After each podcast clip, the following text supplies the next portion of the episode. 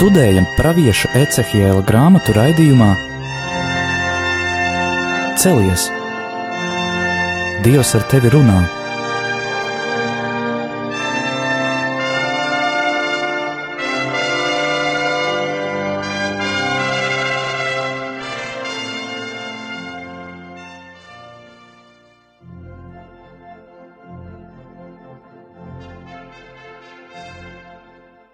Slavēts Jēzus Kristus. Mūžīgi mūžos slavēt.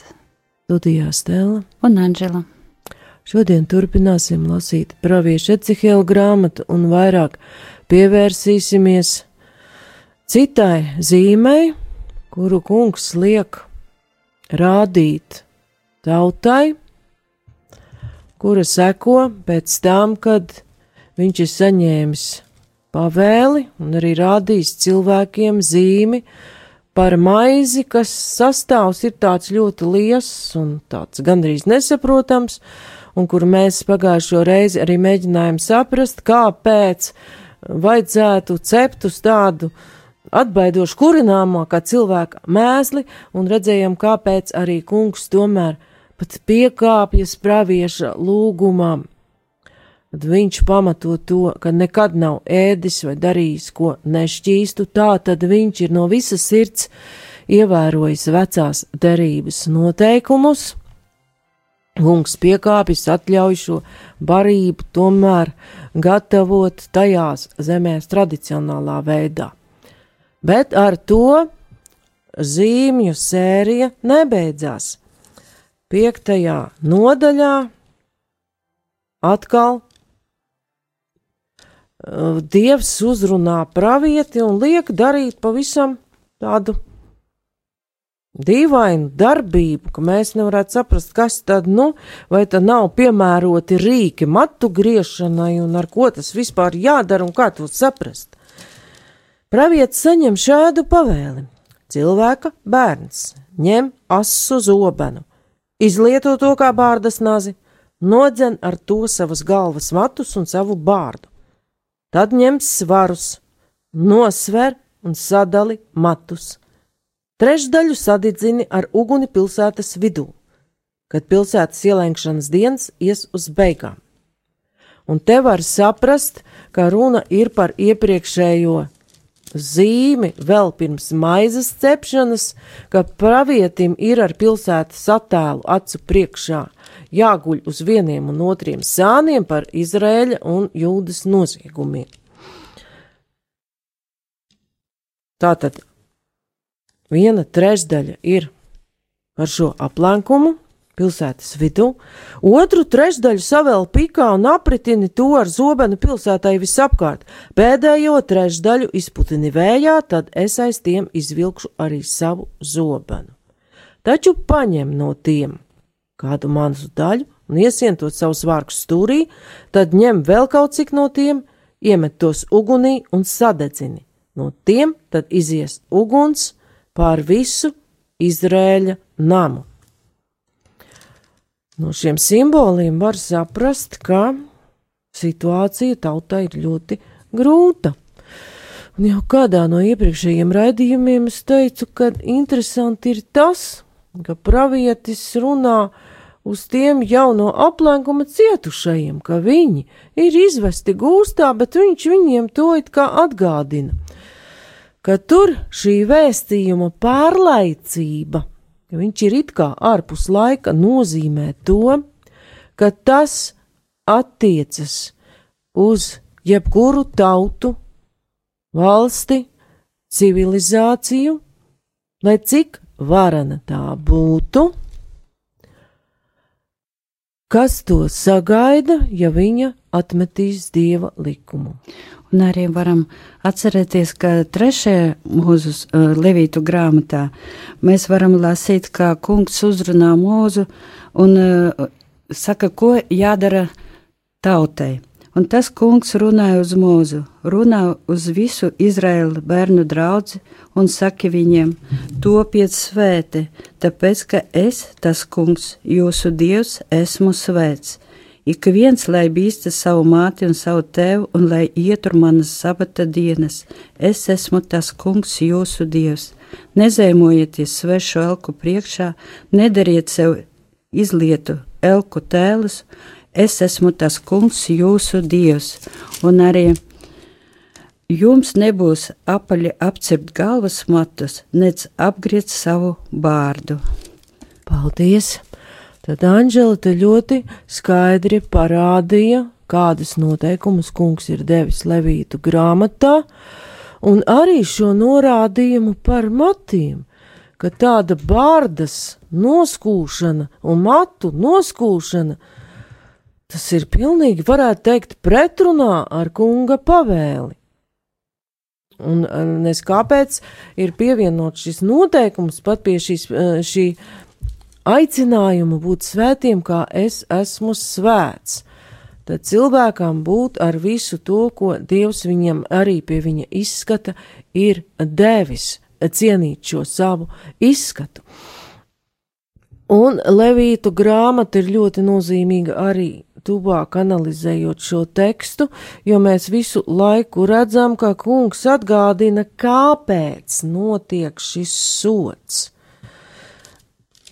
Tas nenotiek tāpat, ka dievam pēkšņi nepatīk izredzētā tauta.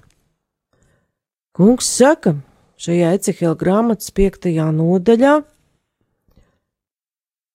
piektā, sestā pantā. Pēc tam saki visam Izraēla namam, tā saka Dievs tas kungs, tāda ir Jeruzaleme.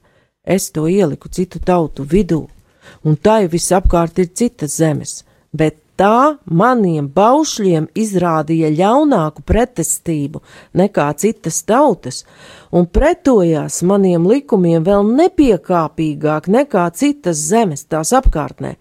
Manus baušļus tie nonicināja, un maniem likumiem savos ceļos tie nesakoja. Tā tad viņi pilnībā ignorēja to, uz ko ir aicinājis Dievs Levītu grāmatā, Un tad seko tas, ko kungs ir teicis Levīta grāmatas 26. nodaļā. Jo tur ir jau manis dažkārt pieminētie gan svētības, gan lāsta vārdi. Un tālāk jau mēs lasot redzēsim, ka daudz kas no tā īstenojas tajā, ko kungs dara aplenktajā Jeruzalemē. Te var arī izlasīt no Levītu 26. nodaļas. Tieši to es arī minēju. Bet es jūs izkaisīšu starp citām tautām, un es izvilkšu aiz jums zobenu no maksts, un jūsu zeme būs pārvērsta tuksnesī, un jūsu pilsētas būs izpostītas. Paldies!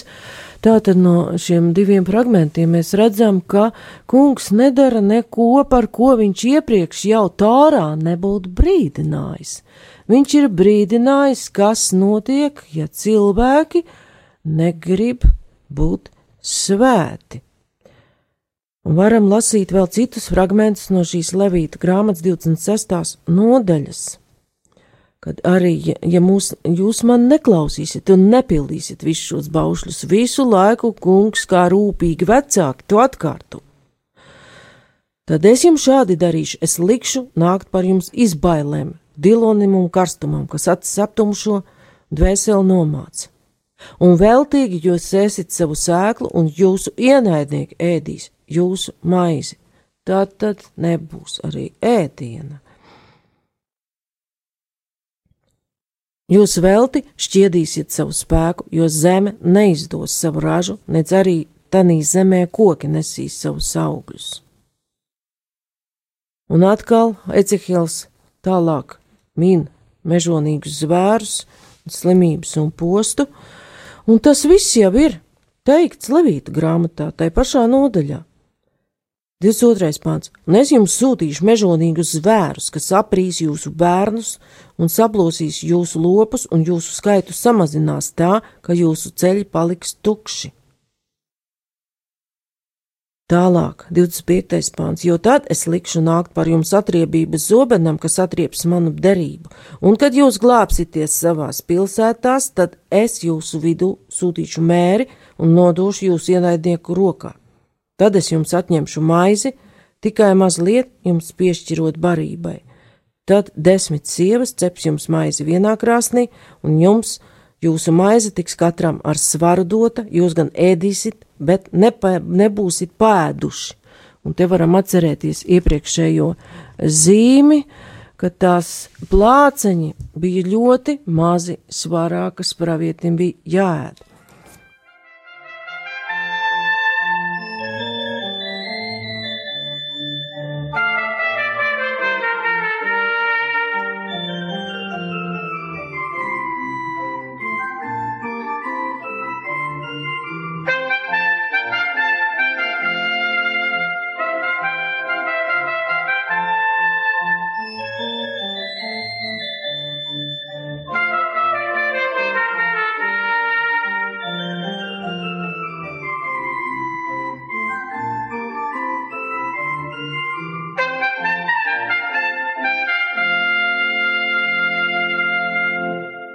Tā kā jau sapratām, ka noskūt matus un bārdu, jūtu vīrietim, pravietim, vajadzēja būt priesterim, tas bija kaut kas ārkārtējs, un šādai zīmei cilvēki apkārt noteikti pievērsa uzmanību, jo var saprast arī no iepriekšējā teksta, ka viņam ir jāiet ar to zobenu aso cilvēku vidū, un tur tas jādara.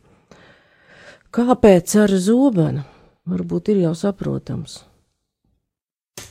Jo ar ko visu laiku dievs, neteiksim, piedraud, bet kādas sekas, uz kādām sekām viņš norāda, gan te Levīta grāmatā, gan arī šeit, ar ko parasti viņš atved šo atmaksu par atkrišanu. Mūsu vēsturē arī mēs to redzam.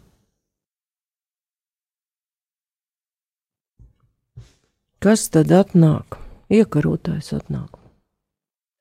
Un, e, kā atnāk iekarotājs ar zobenu, mūsdienu kontekstā mēs jau to varam saprast pat plašāk, ka tas nav tas bīstamākais, ka varbūt nāk kāds ar reālu zobenu vai kāds Krievijas vai citas valsts tanks brauc pāri robežām, bet ka cilvēku sirdis tiek iekarotas, viņus pakļaujot pilnīgi citādam pasaules uzskatam, citai ideoloģijai, kas ir pretrunā šo dieva aicinājumu uz svētumu.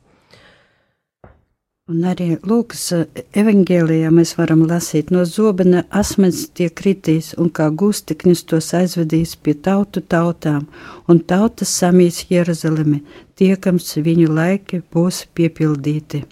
Pēc tam būs zīmes pie saules, mēnesis un zvaigznēm. Tautas virs zemes būs neziņā, kur palikt, jo jūra kaut, kauks un celsies, un cilvēkiem sirds pamirs, izbailēs, gaidot lietas, kas nāks visā pasaulē, jo debesu stiprumi sakustēsies, un tad redzēs cilvēka dēlu nākam padebesī lielā spēkā un godībā. Paldies! Un, ja nemaldos Lūkas evanģēlijā, to saka mācekļiem pats Jēzus klausītājiem, tā tad viņš runā arī par šīm laiku beigām, un laiku beigas iestājas katrai tautai un civilizācijai, kura neklausa kunga likumam. Un var teikt, ka Jēzus atkārto to, kas ir teikts jau Levītu grāmatā, tur mēs lasījām pa bailēm. Atkārto uh, par šo postu, kas ir runāts gan Torā, gan arī Ecihila grāmatā, un Jēzus vairāk to attiecina uz Romas karaspēka iebrukumu, apsolītajā zemē un Jeruzalemes izpostīšanu, kad to izdarīja romiešu karaspēks Tita vadībā. Bet arī Ecihela pravietojumi tikpat labi var attiekties uz šo toreiz vēl tik tālo laiku. Kā vēl varam saprast par šiem matiem? Varam no teksta redzēt, Ja Dievs atgādina, ka Jeruzalem ir bijusi slikta tautu vidū, šī tauta par paraugu citiem, kā galva, lai citas tautas no tās mācītos, kunga likumu, bet izrādās, ka tās to nezinot, bet sekojot sirdsapziņai, ir tomēr tuvākas kunga likumam nekā tā tauta, kas to it kā zina. Bet šo zināšanu piekopja formāli, vai pat zināšanas izmanto, jo, nu, kas cilvēkam patīk darīt, ja viņš labi likumu zina? Viņš mīl to likumu apiet. Un tad ir, kad, kā Jēzus saka, jūs kamieļus izkāšat un, un un tur vēl dodat desmito tiesu no dillēm, mētrām un ķimenēm, bet aizmirstat pašu galveno, par ko tālāk, ja es saku, tā ir mīlēt savu tuvāko. Tad var to saprast tā, ka Jeruzaleme ir jau kļuvusi par no galvas par matiem, kurus var noskūt un jānoskūj, ja tie traucē. No vienas puses mēs redzējām, ka ir šis noteikums eh, jūdu vīrietim eh, matus apaļ neapcirpt un arī vaigu bārdu neskūt, un no vienas puses varētu likties, ka pēc tik jocīgi, daļai arī tāpēc, lai būtu ārēja atšķirība no pagānu tautām.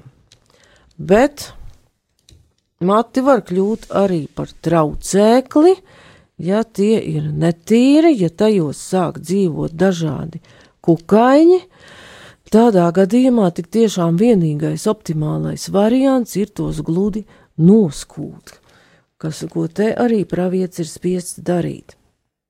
Tur redzam, ka parādās svari, ņem svarus, nosver un sadali matus. Tad šo noskūto pilsētas tautu svērt un sadalīt. Svari vienmēr nozīmē kādu svēršanu, sadalīšanu, tātad dieva vērtējumu tai tautai. Un mēs par svariem un dalīšanu vēl varam kaut kur lasīt diezgan radniecīgā grāmatā. Es vēlētos izlasīt Pāvila vēstuli korintiešiem. Brāļi, es gribu jums atgādināt, ka mūsu tēvi un visi bijuši apakš padebeša un visi gājuši cauri jūru, un visi padebesī un jūrā uz mūzu kristīti, un visi baudījuši to pašu garīgo barību, un visi dzēruši to pašu garīgo dzērienu, jo tie dzēra no garīgās klints, kas tiem gāja līdzi, bet šī klints bija Kristus, bet uz lielāko daļu no viņiem dievam nebija labs prāts, tie ir izdeldēti tuksnesī, Tas ir noticis mums par brīdināšanas zīmi, lai mēs neiekārojam ļaunu, kā tie darījuši. Un šeit apustulis Pāvils saliek pat kopā veco un jauno derību, šo vecās derības notikumu,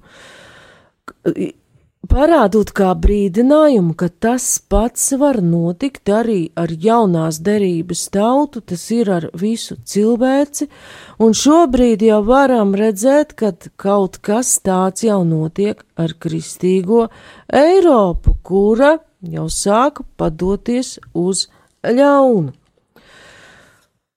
Un arī tur var notikt šī svēršana, un sadalīšana, jo dieva brīdinājums, kaut gan viņš ir ļoti sens Levītu grāmatā, Kristus saka, ka viņš nav atnācis likumu atcelt, tā tad viņš paliek spēkā, kad atkrišanai un dieva likuma ignorēšanai ir noteiktas sekas.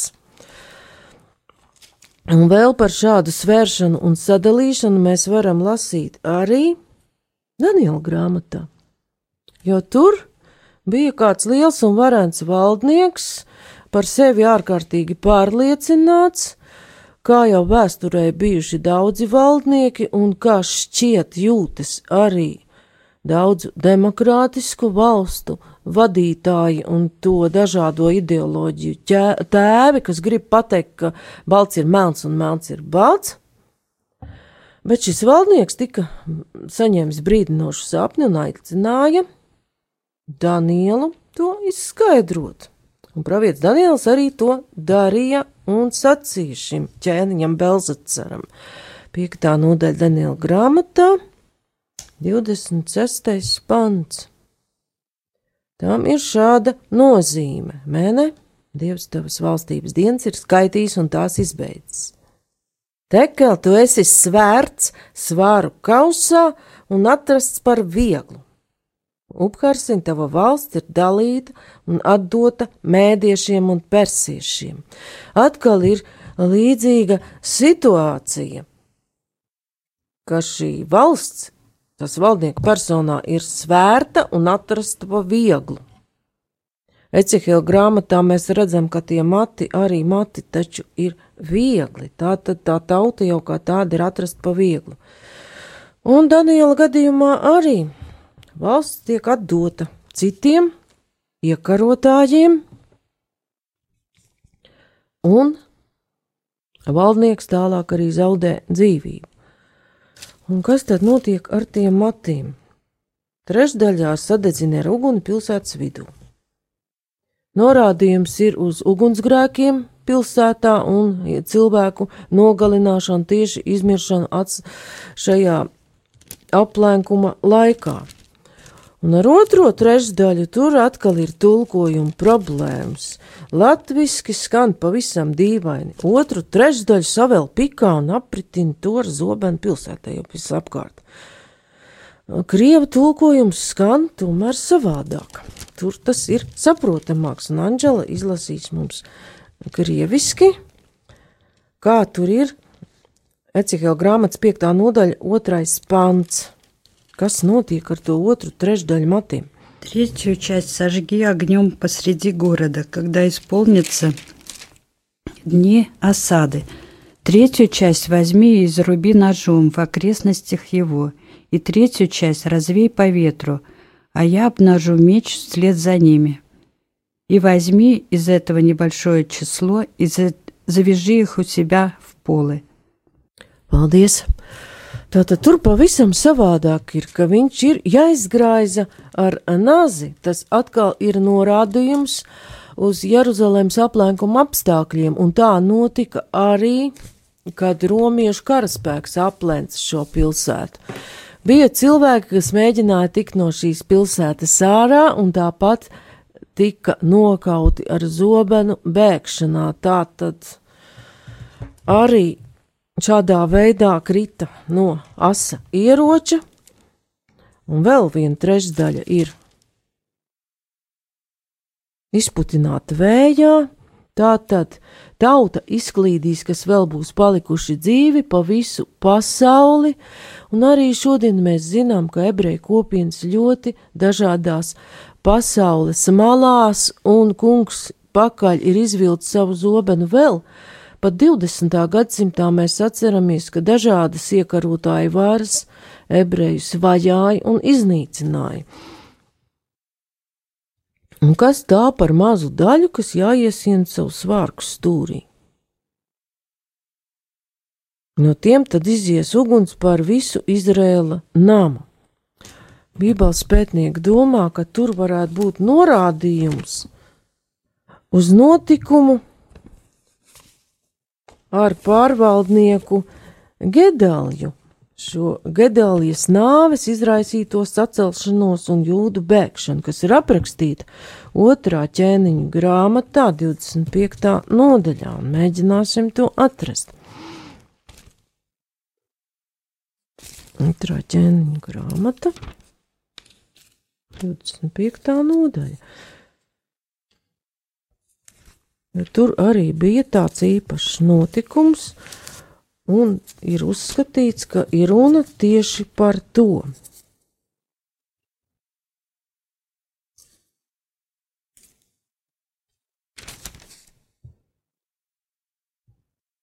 Bet par tiem ļaudīm, kas vēl bija palikuši jūdas zemē, jo nebukadnēcars, Bābeles ķēniņš bija tos tur atstājis, viņš iecēla Gedālju, Ahikāma dēlu, kas bija Šafana dēls. Kad visi karaspēka virsnieki dzirdēja, gan viņi ga paši, gan arī viņiem padotie ļaudis, ka Bābeles ķēniņš ir iecēlis Gedalju, tad tie devās pie Gedaljas uz Mitspu, un tie bija Ismails Netanjas dēls, Johanans Karēha dēls, Sēraja Tanhumeta dēls no Netafas un Jasānja, kāda māhatas iedzīvotāja dēls, viņi un viņu vīri. Un Gedalja viņiem viņa vīriem ar zvērestu apstiprināja un sacīja: Nebīsties no kaldēju kalpotājiem, palieciet zemē un kalpojiet Bābeles ķēniņam, jums klāsies labi. Bet septītajā mēnesī atnāca Ismails Netanjas dēls, Elišamas dēla dēls, viņš bija ķēnišķas izcelsmes, un viņam bija līdz desmit vīri, tie uzbruka Gedeljam un nogalināja viņu kopā ar jūdiem un kaldējiem, kuri bija pie viņa micpā. Tad cēlās visa tauta no maza līdz lielam, līdz ar karaspēku vadītājiem un devās uz Jēģipti, jo tie bijās no kaldējiem. Tātad šis ir tas mazumiņš, par kuru runā Ecihils, kas iesiec viņu spārku stūrī, un redzam arī, kas izraisa šo uguni. Jāiet ir prom. Situācija vēl nav bijusi tik traģiska, ir bijusi vēl kāda tautas daļa, un nebukadnēcers. Interesanti, ka viņš ir uzticējies tomēr kādam jūdam, šim gedaļam, un iecēlis viņu atbildīgā vietā. Taču kādi no šīs tautas darīja, kā viņiem likās pareizi.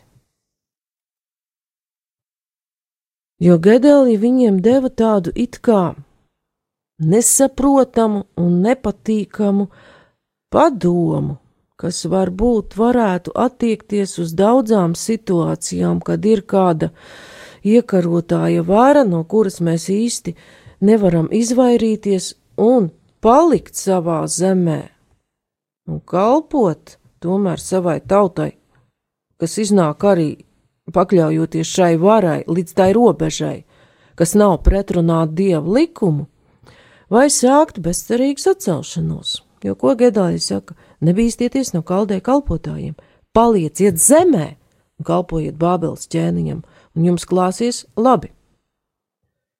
Varētu teikt, ka šis vīrs dod tālredzīgu padomu Un pats galvenais, ka viņš redz, ka Bābels ķēniņš viņa rokās devis šo iespēju saglabāt tautu, palieciet savā zemē, bet jūdi izlēma citādi, veids slepkavību, tad noslepkavo ķēniņa iecelto kalpotāju, un no tā arī rodas šis kaldēja niknums un ir jādodas prom. Bet raidījums ir jau pie izskaņas, un nākamajā reizē mēs tuvāk skatīsimies visus šīs lietas, kas izriet no zīmes, kuru dod Ecihēls. Ko nozīmē šie noziegumi un negantība, kāpēc Dievs ir par to dusmīgs, kā to saprast, kas tā tāda ir, un arī tuvāk skatīsimies, kā izprast šos badu un mēri jau garīgā nozīmē. Paldies par uzmanību! Studijā bija Stela un Anģela.